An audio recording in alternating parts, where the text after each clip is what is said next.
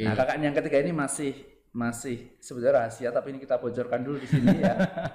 Khusus untuk pendengar podcast Khusus. UNES.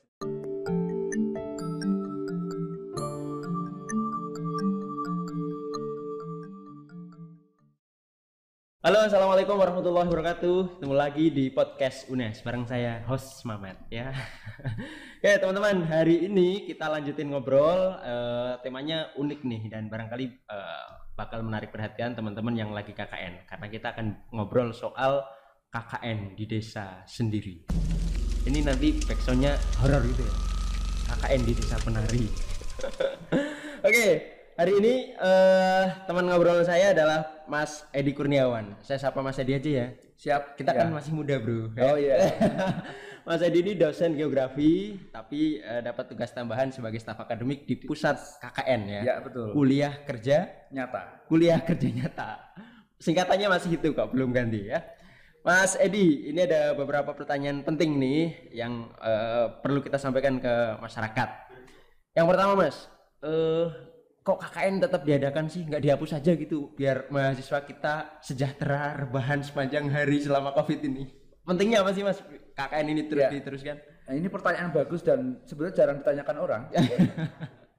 Mereka taunya ya KKN itu wajib padahal KKN itu adalah bentuk tridharma perguruan tinggi kita kepada masyarakat. Jadi kita punya pendidikan, penelitian, pengabdian. Pengabdian. Nah, pengabdian ini sebagai salah satu bentuk implementasinya diimplementasikan dengan KKN itu. Mm-mm, mm-mm. Kalau buat mahasiswa sendiri, apa manfaatnya? Oh, ini kan lagi musim kayak gini kok tetap diadakan KKN. Manfaatnya apa buat mahasiswa tuh? Nah, bagi mahasiswa menambah pengalaman dia dan mengabdikan diri dia kepada masyarakat. Karena selama ini di kampus itu kan teori semua yang dia dapat.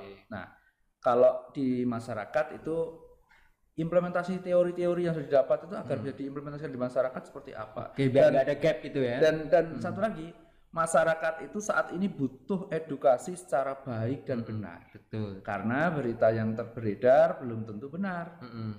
gitu. Jadi masyarakat diperbantukan ya, harus Ya. terpanggil juga nih dari dalam untuk mengedukasi masyarakat, tentang COVID-19 ini. Karena kayaknya dari hari ke hari jumlahnya makin banyak Mas ya, yang artinya perlu apa tindakan dari semua aspek dari semua kalangan ya termasuk mahasiswa. Oke, kalau tentang KKN eh, di edisi COVID ini ada dua mekanisme ya yang sejauh ini sudah dijalankan. Apa itu? Sebetulnya kita ada tiga. Oh tiga. Tiga. Apa aja itu? Yang pertama KKN edukasi COVID ini sudah sudah kita laksanakan 100% daring, Mm-mm. sepenuhnya daring mulai seleksi, pelaksanaan sampai evaluasinya. Kemudian yang kedua ini karena tadi masyarakat kita sudah mulai eh, apa ya namanya?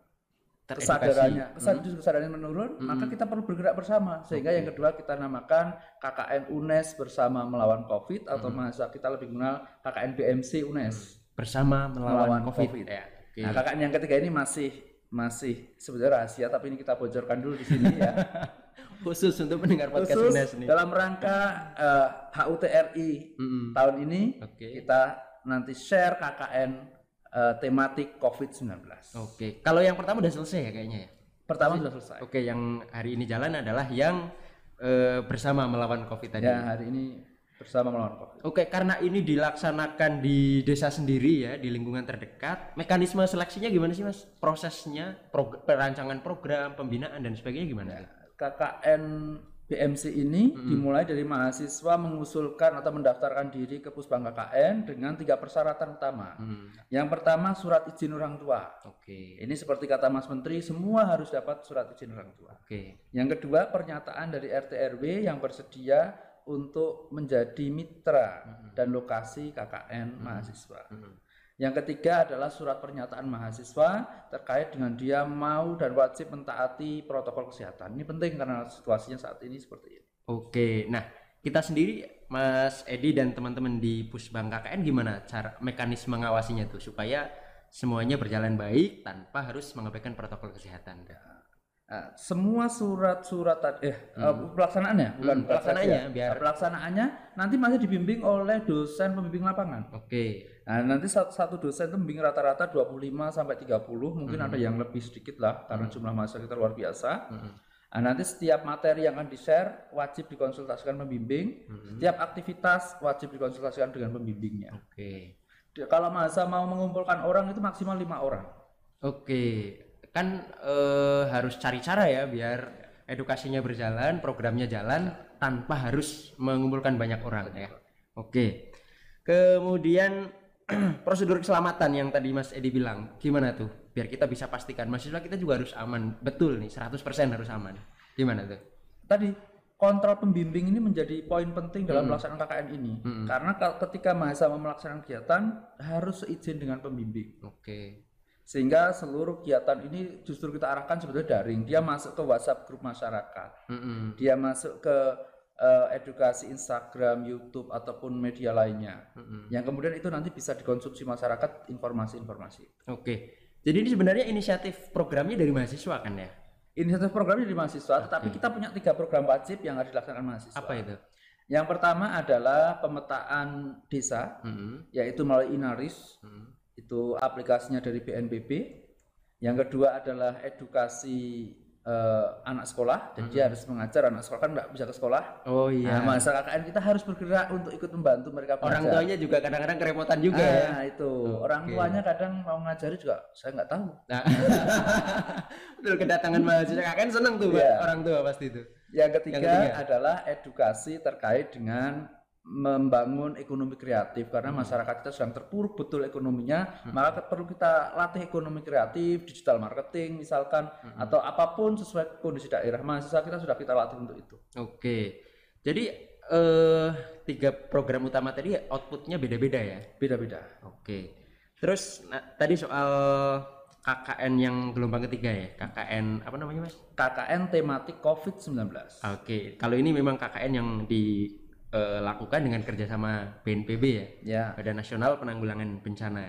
dan juga Dirjen Dikti. Oke, Dirjen Dikti. Ini kapan mau di launching rencana? rencananya insya Allah 17 Agustus. Mhm. tadi kita sudah koordinasi dengan beberapa perguruan tinggi mitra kita. Ada di Klaten ada di UNES ada di Solo UNS itu. Beber- hanya ada beberapa perguruan tinggi yang melaksanakan. Mhm. dan kita laksanakan coba laksanakan menjadi bentuk KKN tematik COVID-19 Oke. ini kita lakukan dengan dua strategi yaitu daring 100% dan luring masa terjun langsung Yang boleh ikut siapa mas? Semester berapa nih mahasiswa yang boleh ikut? kita tidak membatasi semester sebetulnya Oh iya? tetapi Kalau dulu kan SKS. kalau dulu kan semester 7 ya. Oke. Nah, tetapi kan tidak selalu semester 7. Mm-mm. Kita SKS-nya yang penting mahasiswa itu minimal sebetulnya 85. Tetapi karena ini kondisi masyarakat dan negara ini butuh semakin banyak relawan, Oke. Khusus spesial tahun ini kita berikan 70 SKS minimal. Jadi mereka yang sudah menempuh 70 SKS boleh ikut KKN. 70 itu ya rata-rata anak-anak semester 6 udah bisa ikut lah ya. 5 sebetulnya 5 sudah. 5 udah bisa ikut ya. Wah, lumayan tuh bisa nabung eh, kegiatan ya, Ya. sebelum kembali aktif kuliah. Nah, karena ini di desa sendiri sebarannya juga pasti besar banget ya. Eh, sebaran kegiatan di masyarakat itu di mana aja tuh? KKN yang BMC ini kita di 30 provinsi. 30 provinsi. 30 provinsi. Artinya masa kita ada tiga di 30 provinsi. Mm, karena di kampung sendiri kan Iya. ya. Oke. Kemudian saya buka catatan ya, saya Oke. hafal. 30 provinsi, 190 kabupaten kota, Mm-mm. kemudian 914 kecamatan, dan yang menarik kita ada di 3068 desa. Dan ini merata mulai dari Aceh sampai dengan Papua ada semua masa kita. Oke, mudah-mudahan dengan jangkauan sebesar itu memberi dampak konkret betul ya di Ya. masyarakat biar COVID-19 ini bisa segera selesai lah. Ya, betul. kar- karena mahasiswa itu juga udah pengen kuliah lagi tuh di kampus. Justru KKN betul sekali KKN di kampung sendiri ini ternyata menurut masa lebih menakutkan daripada dia KKN reguler. Kenapa? Karena dia harus komunikasi dengan tetangga sendiri, komunikasi dengan keluarga sendiri, ternyata ini menjadi beban berat bagi mereka dan mereka lebih nyaman komunikasi dengan orang lain.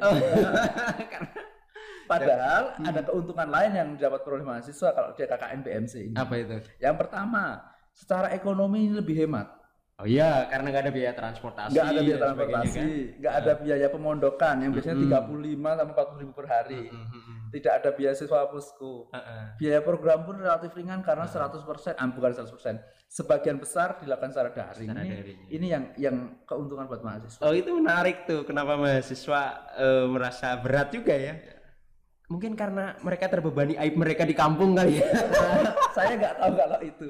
Makanya muncul meme di di media sosial ketika KKN kita gulirkan adalah uh, eh, KKN di desa sendiri. Itu hmm. pakai uh, apa gambar yang sangat menyeramkan oh. karena mereka menganggap ini sebagai sesuatu yang menakutkan. Oh enggak, tapi itu positifnya kan uh, ini mengakrabi kembali ya kampung halaman yang barangkali sudah beberapa tahun ditinggal di kampus kan.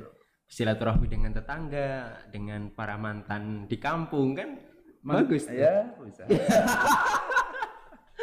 tapi kesempatan jatuh cinta, cinlok kayak kakak-kakak terdahulu mungkin nggak ada tuh jadi Nah ini, ini itu juga mungkin yang ditakutkan mahasiswa. Oh, Ketika gitu ya? kita di proses pendaftaran itu pertanyaan di kita ada grup namanya Halo KKN UNES. Mm -hmm. Nanti kalau yang butuh informasi di Halo KKN UNES itu mm -hmm. ya sekaligus info.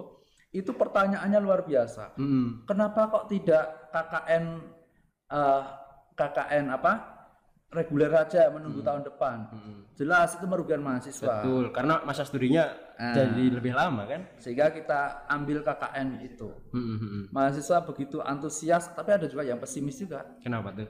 Pes saya saya saya tidak tahu mungkin tadi hmm. karena takut nggak dapat gebetan selama KKN. ya lah, ini jelas program yang bagus banget. Masyarakat membutuhkan mahasiswa terjun ke masyarakat, masyarakat. langsung mengakrabi problema konkret ya yang ya. ada di masyarakat. Oke Mas Edi, sebelum kita closing, ada pesan-pesan nggak buat teman-teman yang lagi KKN di rumah sendiri, di uh, kampung sendiri?